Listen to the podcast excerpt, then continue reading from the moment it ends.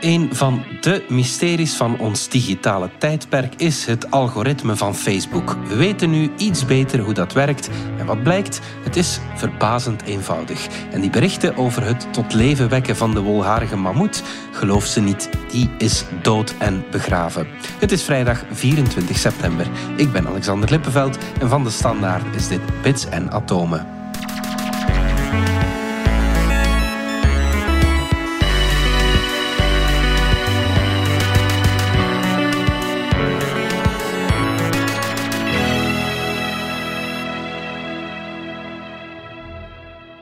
Pieter en Dominique, we zitten deze week niet zoals gewoonlijk aan een stoel en een tafel. We zitten in zeteltjes. Dus als we iets anders klinken, dan is het omdat we op ons gemak zijn. Ja.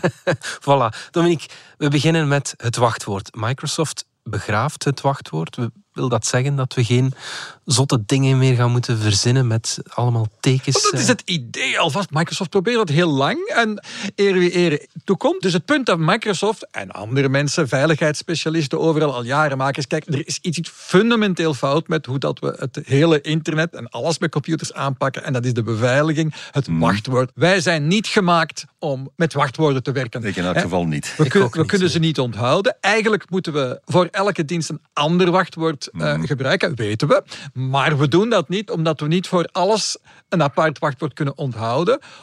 Er is eigenlijk geen echt veilige manier om met wachtwoorden te werken. En wat dat je nu vaak ziet, is dat je het wachtwoord aanvult met een tweede factor. Ja. Two-factor, multifactor authentication. Ja. En Microsoft heeft nu de stap gezet van kijk, we gaan de mogelijkheid aanbieden om je wachtwoord voor de diensten van Microsoft volledig dat is dan bijvoorbeeld Outlook. Quasi alle Microsoft Teams, bijvoorbeeld mhm. Xbox niet bijvoorbeeld.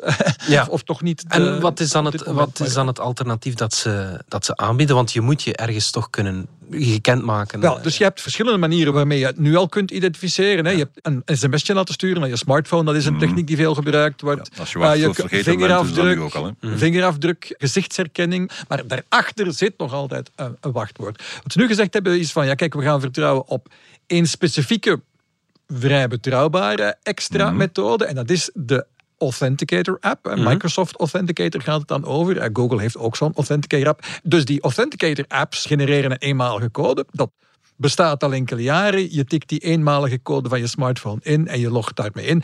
En meestal doe je het dan zo dat je op datzelfde apparaat niet nog eens moet inloggen. Je combineert het ook vaak met andere technieken. Bijvoorbeeld, ik moet dus die Authenticator code één keer per toestel invullen. En als ik dan op dezelfde computer later nog eens kom, bepaal ik zelf of er dan nog eens ingelogd mm, moet worden met zo'n code of niet. Dus er is wel een manier altijd om die mogelijkheden te combineren, te zeggen van ik zit in een veilige situatie. En nu heeft Microsoft dus eigenlijk gezegd van doe, wachtwoord gewoon weg. Het bestaat niet meer. Ja. Wat ook wil zeggen natuurlijk, je kunt het niet als laatste mm. oplossing, als je, als je geen andere oplossing meer hebt, dan toch nog dat wachtwoord bovenhalen. Mm. En dat zal voor veel mensen voorlopig op dit moment een stapje te ver zijn. Eh, dus ik vind het zeer interessant dat ze het aanbieden. Vraag me af hoeveel mensen het doen. En dan heb ik het zelf uh, proberen te doen. En wat ik dan een teleurstelling vond, was op het moment dat je zegt van oké, en nu ga ik mijn wachtwoord weghalen. Mhm kreeg ik de vraag van, ja, nu moet je Microsoft Authenticator openen. Dus het mag niet met een andere Authenticator-app die een unieke code, het moet die van hen zijn. Mhm. Dan zeg ik van, ja, maar als ik voor Microsoft de hun speciale app moet gebruiken om een wachtwoord te vervangen. Zijn we weer vertrokken. Voilà, en, dus, ja, en die heb ik ook nodig. En voordat je het weet, heb je voor elke dienst waar je moet inloggen een aparte app nodig. Nu zegt Microsoft, nee, nee, nee, nee. We hebben onze app nodig voor het in te loggen, want met die van Google kun je toch het wachtwoord niet helemaal wegdoen. Mhm. En met die wel kan het, kan het net wel. Maar wij bevelen iedereen anders dan aan dan ook onze app te gebruiken voor hun wachtwoord te vervangen. Dus ik denk dat we er nog niet zijn aan het vervangen van het wachtwoord. Maar het is een belangrijke stap in een belangrijke richting.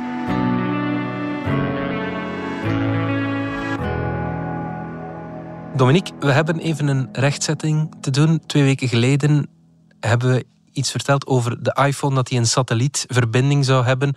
Maar dat lijkt toch niet zo. Dat is zeer onverstandig natuurlijk. En dat weten wij journalisten mm. allemaal. Uh, schrijf niet over geruchten. Daar heeft de luisteraar niks aan. Want als het gerucht fout blijkt te zijn, dan moet je het rechtzetten achteraf in een veel kleiner stukje en heeft niemand mhm. dat gehoord. En dan gaat iedereen ervan uit dat in die iPhone dan een satellietontvanger zat. Want daar hadden we het over verteld. Dat was niet alleen een leuk mhm. gerucht, het was ook bijzonder gedetailleerd. Dat zeggen we er dan bij. Van twee verschillende bronnen hadden dat verteld. Die mhm. meestal zeer goed geïnformeerd zijn.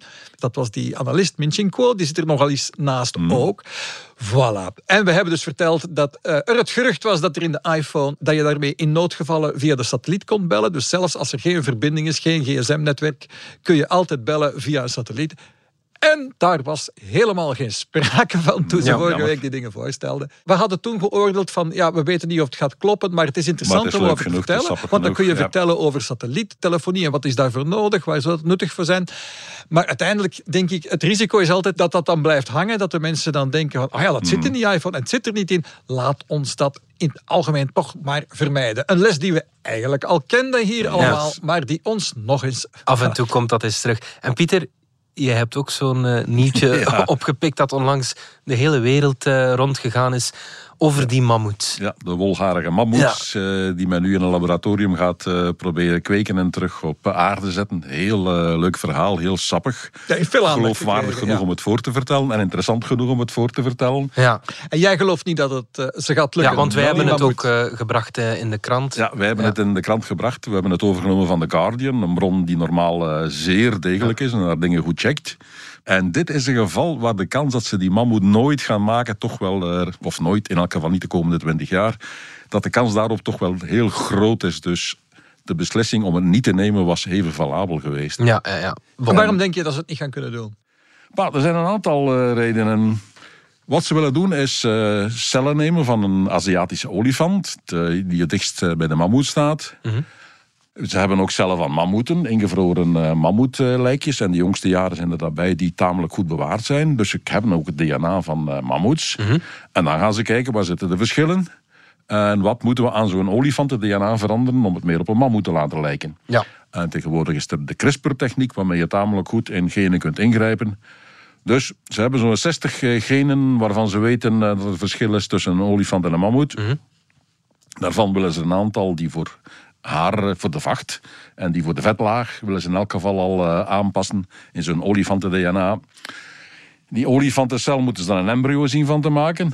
Daar zijn technieken voor, maar die zijn eh, heel eh, shaky. Dat lukt maar heel zelden. Die eicel moeten ze dan, of dat embryo, moeten ze inbrengen bij een draagmoeder, een olifant. Ja. Die draagt 22 maanden laten verlopen en dan hopen dat er een kalfje uitkomt dat levensvatbaar is. Ja. Nu, om te beginnen, er is nog nooit iemand, voor zover ik weet, in geslaagd om eicellen bij een olifant weg te halen. Oké. Laat staan dat we de technieken hebben om met die eicellen te prutsen en die in leven te houden in het laboratorium. En de nieuw eh, gewijzigde eicellen om die terug in te brengen. Deze heren beweren ook, eh, we gaan, een, als het niet lukt met eh, olifanten, doen we het wel in een kunstmatige eh. Nu, dat, is, dat is helemaal eh, voor de komende twintig jaar gewoon niet doenbaar. Als dat kalfje geboren wordt, olifantenkalveren en hun moeder hebben een heel intense band. En olifanten leren heel veel van hun moeder. Wat gaat die moeder doen als er daar een kalf geboren wordt met haar op? Nobody knows. Ja. Van de bijvoorbeeld kloondieren die we maken, weten we dat er maar heel weinig, eens dat zo'n embryo ingebracht is, uiteindelijk tot een eh, Ja. voldragen kalf leiden. En veel van die kalveren sterven bovendien eh, heel snel. Dolly, het schaap, was eh een van 72 ingebrachte eicellen, geloof ik. Oké, ja. Dus dat zijn allemaal dingen waarvan je zegt, eh, gaat ons dat wel lukken? ja. Maar het zijn allemaal praktische bezwaren. Mhm. Theoretisch kan het wel. Theoretisch is er geen reden om het niet te doen, maar Want- theoretisch is het ook niet moeilijk om naar Mars te reizen. En we zijn er nog altijd niet. Ja, ja. Er is geen fundamenteel bezwaar, het kan. Maar het zal zeker de eerste jaren niet kunnen. Ze hebben het al geprobeerd eh, om een dier terug te halen bij de Pyreneese steenbok bijvoorbeeld ook. Dat is ook een uitgestorven dier. Daar hebben ze in 1999 zelf aan genomen. Dat heeft tot 208 embryo's geleid. Die hebben ze allemaal ingeplant. Daar is één kalf uitgeboren met een longafwijking en heeft zeven minuten geleefd. Ja. Het dichtste dat we al bij het opnieuw tot leven wekken van een historische diersoort gekomen zijn. Dat is allemaal eh, niet zo evident. En dan blijft nog de vraag: heeft het zin om dieren te bewaren of zelfs te herscheppen voor een ecosysteem dat niet meer bestaat?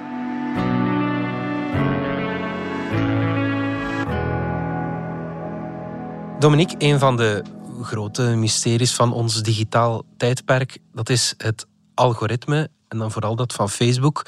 We hebben daar nu een iets beter zicht op. Ja, dit is een beetje in de marge van het, het grote verhaal Mm. van eh, de afgelopen weken eigenlijk rond Facebook. En dat is dat eh, de Amerikaanse krant Wall Street Journal een reeks eh, verhalen heeft gebracht, gebaseerd op interne documenten van Facebook, van uiteindelijk toch een van de machtigste, eh, grootste bedrijven in de wereld. Ja. Eh, Die documenten zijn blijkbaar afkomstig van een klokkenluider wiens naam we niet kennen. Het gaat om relatief belangrijke dingen die nu naar buiten komen. Niet dingen waarvan iedereen van zijn stoel valt, maar het geeft heel veel gezicht aan dingen waarvan we dachten van ja, ongetwijfeld zou dat wel eens bij, bij Facebook een probleem kunnen zijn. We weten nu veel meer over hoe dat nu precies in zijn werk gaat, het interne debat bij dat bedrijf. En ja, eh, daar zitten een paar heel pijnlijke dingen in. Maar één aspect dat ik er dus zelf had uitgepikt voor de krant, was, was dat er eh, details zijn bovengekomen, een paar slides over eh, de, de veranderingen die Facebook in 2018 aan zijn algoritme heeft Dus de doorgebracht. manier waarop dingen geselecteerd worden, nieuws geselecteerd wordt en naar voren gezet naar wat achter zie, je, wat Ja. zie je eigenlijk in, in je Facebook-feed? Daar was het verhaal in de tijd van... Het was niet zo lang na de Amerikaanse presidentsverkiezingen. Er was veel aandacht voor het fenomeen fake news op eh, sociale media. En, en Facebook heeft dan gezegd van... Kijk, we gaan er iets aan doen. We gaan van Facebook weer meer een familieomgeving maken. Niet te veel met nieuws en politiek bezig zijn. Want dat is niet het soort netwerk dat we willen zijn. Nee. We snijden nu in eigen vlees, want we weten dat de mensen dan eigenlijk minder lang gaan blijven rondhangen. Dus we doen het niet voor onszelf, we, doen, doen dit nu echt jullie. voor eh, de wereld. Ja. Er stonden effectief cijfers in die slide over hoe dan bepaald werd welk bericht eh, je wilde zien. Dus als iemand van je vrienden een- bericht leuk vond, dan kreeg dat bericht een punt. Hè? Dus kwam dat meer vooraan in jouw nieuwsfeed te staan. Maar als je het zegt van het maakt mij kwaad, ik, en je maakt dat boze gezichtje erbij, kreeg het vijf punten. Ja. Eh, of lachen of ja, een hartje voilà. was. Dat, maar heel ja. vaak is het natuurlijk wel boos. En dus de bedoeling was, want we gaan inderdaad meer eh, berichten van je familie en vrienden tonen. Maar wat ze er niet bij vertelden was, de argumentering was eigenlijk een beetje anders. De bedoeling was niet iets doen aan fake news eh, of, of, of politiek weghalen. De bedoeling was, ze hadden vastgesteld dat mensen veel minder aan het klikken waren op Facebook en veel meer gewoon aan het scrollen. Het was veel meer een passieve ervaring, want je newsfeed zat vol met video's van professionele eh, media, berichten die, van pagina's die je volgde, en daar deed je niet zoveel mee. En zij wisten van als we nu meer dingen in de feed gaan zetten waar je mee interageert, ga je misschien wel korter online zijn, maar je gaat vaker klikken en dan maakt de kans veel groter dat je terugkomt. Dus eigenlijk was die verandering van het algoritme begin 2018 was in de eerste plaats, blijkt uit die interne documenten, zelfbehoud. Hè? Dat was Ja. wel degelijk uit commercieel belang, want we willen de, de mensen bij ons houden. Ja. En daarvoor is het belangrijk dat ze interageren. Het was niet in de eerste plaats de bedoeling van politiek weg te houden. Komt daarbij, dus niet alleen was de motivering naar buiten toe een beetje verkeerd voorgesteld, maar dat de werking ook heel anders bleek te zijn dan we liet eh, voorkomen. En als je ziet hoe dat die weging van berichten gebeurde, hè, als je iets berichten die je zo eh, ja, opgewonden krijgen, dat je er direct een reactie op moet. En, en iemand anders reageert er dan nog eens op. En nog eens 30 punten. Die dingen kwamen altijd boven. Eigenlijk is het eh, ja, polariserender. Wel, dat polariserende kwam er maar bij op het moment natuurlijk dat, dat nieuwsmedia ze- en politici zijn gaan ontdekken hoe het werkt. Die hebben gezegd van, ah ja, wacht, wacht, wacht. Dus onze berichten zijn totaal onzichtbaar geworden. Hè. Dus al- Mhm. alle miljoenen mensen die onze Facebookpagina volgen, krijgen onze berichten eigenlijk niet meer te zien. Opeens is het weg. We hebben daar jaren aan gebouwd, het is weg. Maar als mensen ons bericht zelf herpubliceren, krijgen hun vrienden dat wel te zien.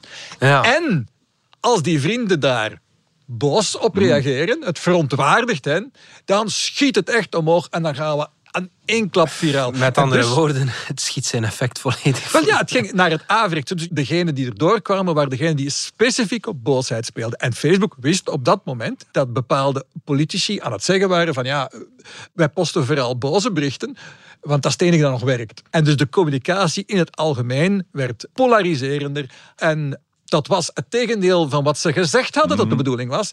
Maar als je dan ziet hoe dat ze al heel snel waarschuwingen eh, hadden gekregen, dan is het heel gek dat de baas, eh, Mark Zuckerberg, die dan in, in 2019, 2020, 2021 herhaaldelijk is opgeroepen om in het Amerikaanse eh, parlement te gaan getuigen over hoe zit dat nu met jullie invloed op de democratie.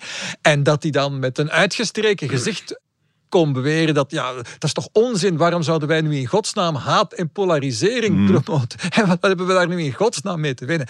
Er was een, een, opvallend groot contrast tussen wat Mark Zuckerberg naar buiten uh, vertelde over het algoritme en de veranderingen eraan en wat daar werkelijk binnen in zijn bedrijf aan vooraf is gegaan. Ja. Het meest pijnlijke onthulling van die onthullingen van Wall Street Journal was niet die over het algoritme, het was die over uh, Instagram.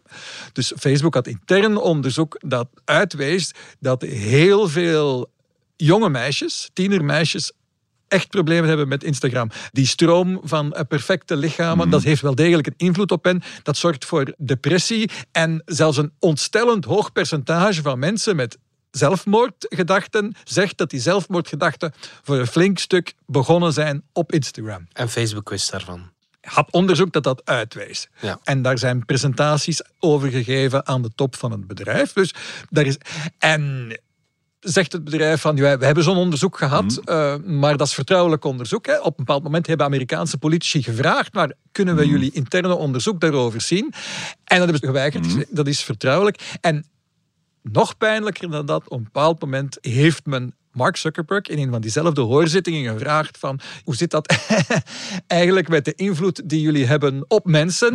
En dan heeft hij ook weer met uitgestreken gezicht gezegd van ja, er zijn best wel studies die zeggen dat het juist heel positief is voor mensen om uh, op sociale netwerken rond te hangen. Wat ook niet onwaar is, die andere studies bestaan ook.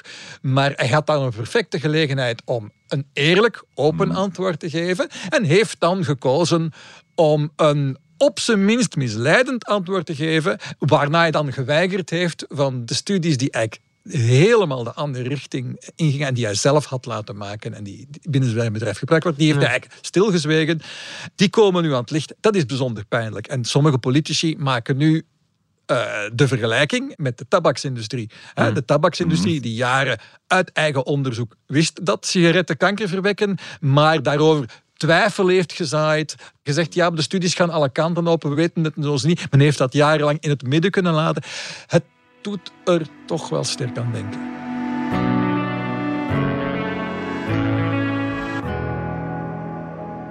Pieter, je hebt nieuws over Antoine Lavoisier, de man die we allemaal uit de lessen chemie nog kennen. Ja, ja. De vader van de scheikunde noemen ze hem. Zoals je het zegt, de vader van de scheikunde. En tegenwoordig zeggen we erbij, zijn vrouw Marianne was de moeder van de scheikunde. Oké. Okay. Van waar moeten we Lavoisier ja. vooral kennen? Ja, van een aantal dingen. Lavoisier is degene die de phlogiston-theorie onderuit gehaald heeft. Belangrijke theorie die zei, als je iets verbrandt, mm -hmm. dan verdwijnt er iets. Ja. Je begint met een boomstam, je verbrandt die, je hebt een klein hoopje assen over. Ja. En de rest, dus de rest is verdwenen. Ja. En wat verdween heette phlogiston. Mm -hmm. En Lavoisier heeft gezegd, uh, noppes, uh, er verdwijnt helemaal niks. Integendeel, er komt iets bij. Ja. Jij bent vergeten dat je behalve assen ook rook had. Ja, voilà. Vang die rook eens op en weeg hem eens en ga dan eens kijken. Mm -hmm. Kijk, ik heb hier een klompje zwavel. Ik steek dat in brand. Er komen alleen maar gassen van. Ik vang die gassen op en ik weeg ze. -hmm. En wat blijkt? Die gassen wegen meer dan het klompje zwavel. Want we hebben nu zwaveldioxide. Die zwavel heeft gereageerd met zuurstof uit de lucht. Zuurstof is een stof die Lavoisier trouwens ook niet ontdekt, maar toch uh, bekendgemaakt heeft. Ja. Die dingen wegen meer. Je hebt zuurstof uit de lucht gehaald, makker. Ja. Wil ik het nog eens overdoen met fosfor? Ja. Hetzelfde effect. Ja. Belangrijke uh, wetenschapper met Nogal. andere woorden. Ja. En hij is eigenlijk de eerste die gezegd heeft... Rien ne se crée, rien ne se perd, tout se transforme. Er Ja. verdwijnt niks, er komt niks bij. Alles verandert. En in alle handboeken scheikunde staat hetzelfde portret van Lavoisier met zijn vrouw. Schrijven, hij zit schrijvend aan een tafel, zijn vrouw staat over zijn schouder mee te kijken. En op de tafel staan een hoop eh, scheikundige instrumenten. Op de vloer ligt een mooie glazen kolf met mooie optische effecten eh, van wat je er doorheen ziet en zo. Prachtig geschilderd. In alle encyclopedieën altijd datzelfde schilderij. Ja. Alleen, nu blijkt dat schilderij is in 1788 eh, gemaakt. Het jaar voor de Franse revolutie. Eén jaar voor de Franse revolutie. Ja. En dat schilderij stelde helemaal niet Lavoisier in zijn laboratorium voor, oorspronkelijk. Oké. De Metropolitan eh, Museum heeft nu eh, dat schilderij laten doorlichten. Ze waren het aan het repareren, ergens een uh, vernislaag weghalen en zagen op sommige punten rare kleuren doorheen de verf schemeren. En wat bleek, daaronder zat een ander schilderij. Oké. Nog steeds Lavoisier met zijn vrouw, schrijvend aan een tafel. Maar nu was hij niet in uh, laboratoriumschriften aan het schrijven. Nu was hij zijn belastingontvangsten aan het uh, schrijven. Mm Lavoisier was een van de 26 grote belastingpachters in uh, Frankrijk. Mhm. Dus iemand die van de staat het voorrecht kreeg om belastingen te gaan innen. Ja. Uh, zoveel aan de staat moest afdragen en de rest in zijn eigen zak mocht steken.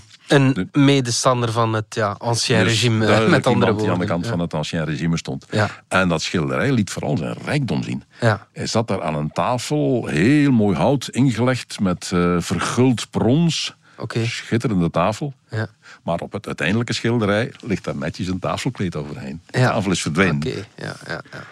De achtergrond was een hele rijkelijke muur met daar een boekenrek in met uh, schitterende ruggen van boeken. Mhm. Allemaal weg.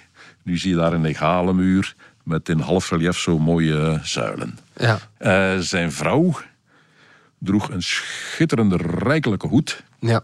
Met pluimen en uh, fruit en god weet wat nog allemaal en bloemen.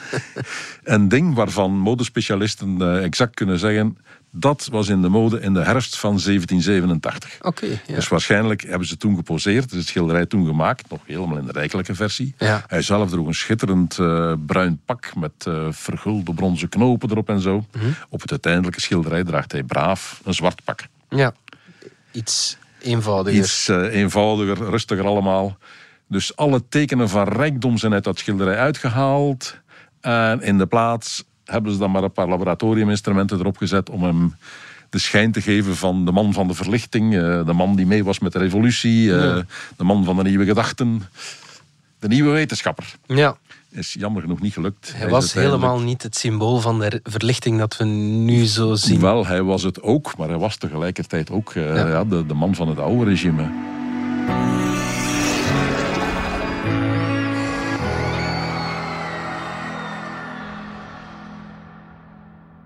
Afsluiten doen we met de dino van de week, zoals elke week.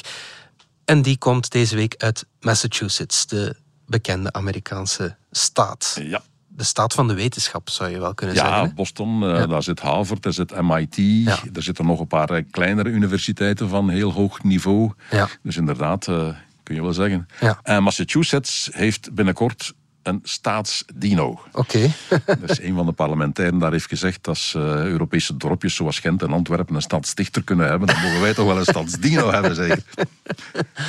Te meer daar Massachusetts een staat is waar je helemaal geen dino's vindt. Mhm. Geologisch is dat, uh, zit dat daar verkeerd. Uh, er zijn gewoon geen lagen om dino's in te vinden. In Massachusetts zijn in de loop van de geschiedenis maar twee dinosaurusfossielen gevonden. Dat is niet veel. Dat is niet veel. Ja. Man heeft die twee op internet gegooid en dan uh, inwoners gevraagd uh, wie vinden jullie de leukste. en 60% van de 35.000 uitgebrachte stemmen gingen naar Podokesaurus holiokensis. Oké, wat voor een is dat? Uh, Podoke, in der tijd alle serieuze mensen kenden Grieks. -huh. Podoke betekent een snelvoetige. Okay. Hier gaat het om een snelvoetige saurus, uh. -huh. Podokesaurus. En Holyokensis, dat verwijst naar de kleine universiteit voor vrouwen die er ook in Massachusetts zit en die dus Holyo en nog iets heet. Ja. Het fossiel is gevonden door een vrouw van die universiteit en is het eerste dinosaurusfossiel dat ooit door een vrouw beschreven is. 180 miljoen jaar oud, formaat van een uh, kip, snelvoetige kip dus. Ja. En eentje met een lange staart. Uh, ja. Zat maar de hoogte van een kip, maar wel een, een meter lang. Een fazant eigenlijk. Uh, ja, een fazant zou je kunnen zeggen. Ja, ja, Maar dan een fazant met scherpe tandjes. Het was een vleeseder. Ja, oké. Dankjewel. Dit was Bits en Atomen, onze wekelijkse podcast over wetenschap en technologie. Bedankt voor het luisteren. Ken je trouwens DS Podcast al, de nieuwe podcast-app van de Standaard? Daar luister je niet alleen naar onze journalistieke reeksen, je krijgt ook elke week een eigenhandige selectie van de beste nieuwe podcasts op de markt. Alle credits van de podcast die je net hoorde vind je op standaard.be-podcast. Reageren kan via podcast.standaard.be. Volgende week zijn we opnieuw.